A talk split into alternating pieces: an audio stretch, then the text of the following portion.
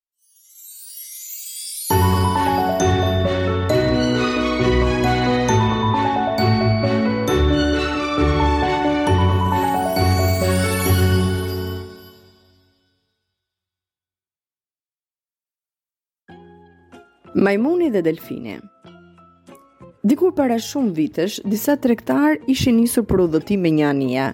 Ata do të shkonin në ishull për të blerë vaj, ullinj, djath, që do t'i shisnin pastaj në vendin e tyre. Udhëtimi ishte shumë i bukur dhe i qetë. Kur nuk kishin punë për të bërë, mblidheshin të gjithë në kuvertën e anijes dhe këndonin, argëtoheshin, Numrat e këndshëm, të zgjuar dhe dinakë të majmunit, të cilin e kishin sjellë me vete nga një tregtar i largët, ishte argëtimi më i madh i tyre. Të gjithë mendonin se pa majmunin nuk do t'ja kalonin dot aq mirë. Madje uronin që ta kishin edhe në udhëtimet e tjera me vete. Madje kishte nga ata që më shumë pëlqenin majmunin se të zotin që ishte përherë grindavec dhe i rëndë. Dhe çfarë nuk bënte majmuni? Kur marinarët hipnin në direk për të hapur velat, bashkë me ta hipte dhe ai. Ngatërronte litarët, duke imituar marinarët, nxirrte gjuhën. Pastaj, kruante kokën, lëvizte bishtin, bënte rrotullime në ajër nga fillimi deri në fund të anijes, duke luajtur edhe me marinarët. Të gjithë qeshnin dhe ishin të gëzuar që e kishin midis tyre, sepse kalonin kohën. Një ditë ndërsa po kalonin pranë një ishulli, qielli u nxi nga retë dhe filloi të frynte një erë aq e fortë sa velat e anijes gati po shqyeshin, ndërsa vetë anija lëkundej frikshëm. Marinarët mblodhën menjëherë velat, por majmuni nuk shkoi bashkë me ta. Atë e kishte zënë një frikë e tmerrshme, ishte fshehur poshtë në një varkë. Kishte vënë duart përpara fytyrës sikur të fshihej prapa gishtave. Ishte një pamje edhe qesharake, por askush nuk e kishte ngenë sepse rreziku ishte i madh dhe të gjithë vraponin poshtë e lart të frikësuar. Dallgët përplaseshin gjithnjë e më fort. Anija tronditej e tëra dhe uji hynte brenda saj.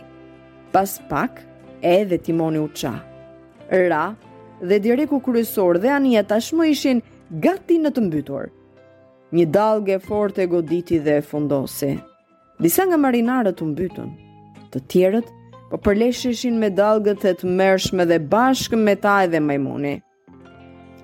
Ai ishte kapur pas një cope të direkut të thyer dhe shkonte sa andej këndej nga e çonin dallgët. Shihte para vetes së detin e pafund dhe i dridhej zemra. Si do të mund të dal në breg? Pyeste veten. Do më përpi ky det i tmerrshëm, o zot ç'më bëre, nuk më le në shtëpi. Ç'po kisha unë anije?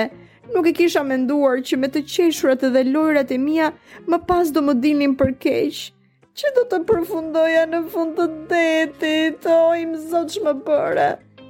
Ndërsa mendonte këto, pa të kalonte aty pranë një tufë delfinësh. Kur panë marinarët që po luftonin me dallgët, delfinët shkuan pranë dhe i ndihmuan, sepse delfinët janë mësuar t'i mbajnë njerëzit mbi kurrizin e tyre dhe t'i nxjerrin në breg. Njëri nga delfinët pa majmunin që ishte mbledhur një grusht dhe mendoi se ishte ndonjë fëmijë. Pa humbur kohë i tha, Hajde, hip në shpinën time, mos u tremb, do të nxjerr në breg. O, të faleminderit, peshk i dashur, tha majmuni. Kisha filluar të lodhesh e nuk po notoja dot më. Hipi mbi kurrizin e delfinit dhe më pas u nisën drejt bregut. Udhëtuan gjatë. Kështu dhe kur majmuni kuptoi se nuk rrezikohej më, nisi të shkriftohej dhe u shkund.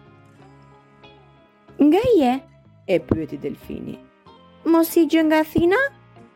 Po nga Athina jam, madje nga një familje aristokrate. Gënjeu majmuni. Po Pireu të pëlqen? E pyeti delfini. O, shumë, tha majmuni. Ai vjen shpesh në shtëpinë tonë. Ç'ishte kjo gënjeshtër? Delfini e kuptoi se ajo qenie nuk ishte njeri, siç kishte menduar në fillim, por më tepër u pendua që kishte menduar të bisedonte me të, ta ndihmonte dhe të merrte këtë gënjeshtër. Por për t'u bindur nëse ishte gënjeshtar apo jo, i bëri dhe një pyetje tjetër. Majmuni gënjeu sërish.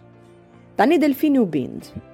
Sado që e kishte zemrën të mirë, nuk mundte të duronte që ai të tallej me të. Gënjeshtar, i tha. Do të mësoj unë që të mos u thuash gënjeshtra atyre që të shpëtojnë jetën. Menjëherë, vrullshëm, u rrotullua dhe bëri një dallgë në det, pastaj e hodhi majmunin gënjeshtar me metra larg. Majmuni që e pa veten duke fluturuar në qiell sa nuk vdiq nga frika. Ra në ujë dhe u zhyt. Gati u mbyt. Kur arriti të dilte në sipërfaqe, ndihej i lodhur sa dallgët po e çonin sa majtas, djathtas, si një anije. E pa delfinin që qëndronte pak më larg dhe shihte i mërzitur. Ashtu, ë? i tha delfini. Qenke nga Athina, qenke i zoti, shko atëhere vetë në breg dhe mëso që herë tjetër të mos bësh të zgjuarin. Si tha këto fjalë delfini i ktheu krahët dhe u nis drejt shokëve të tij. E, qëndro! thirri majmuni. Pse më le vetëm në mes të detit? Do të mbytem. Ktheu mbrapa peshk i mirë të jap fjalën që s'do të them më gënjeshtra. Por delfini ishte larguar shumë dhe nuk e dëgjonte. Majmuni zuri të qante dhe të mallkonte veten që kishte gënjyer delfinin. Nuk më mjaftoi që ai më shpëtoi jetën, por duhet edhe ta gënjeja. Mirë të më bëhet, që të vë mend mos të gënjej më. Majmuni i gjorë mbeti vetëm në mes të detit dhe po përpiqej të notonte, pa e ditur se ku do ta nxirrnin dallgët.